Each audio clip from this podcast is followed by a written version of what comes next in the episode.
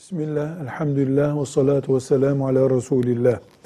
Taziyelerde yani cenazeye baş sağlığı için toplanılan yerlerde yemek, yemek caiz midir ya da nedir?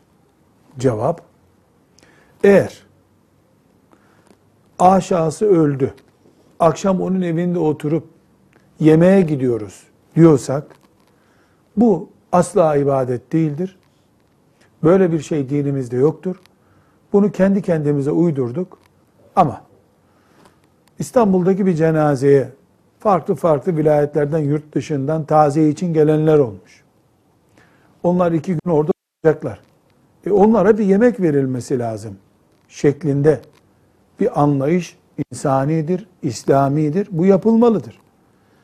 Ölünün ruhu için yemek yemek diye bir şey yok bizim dinimizde.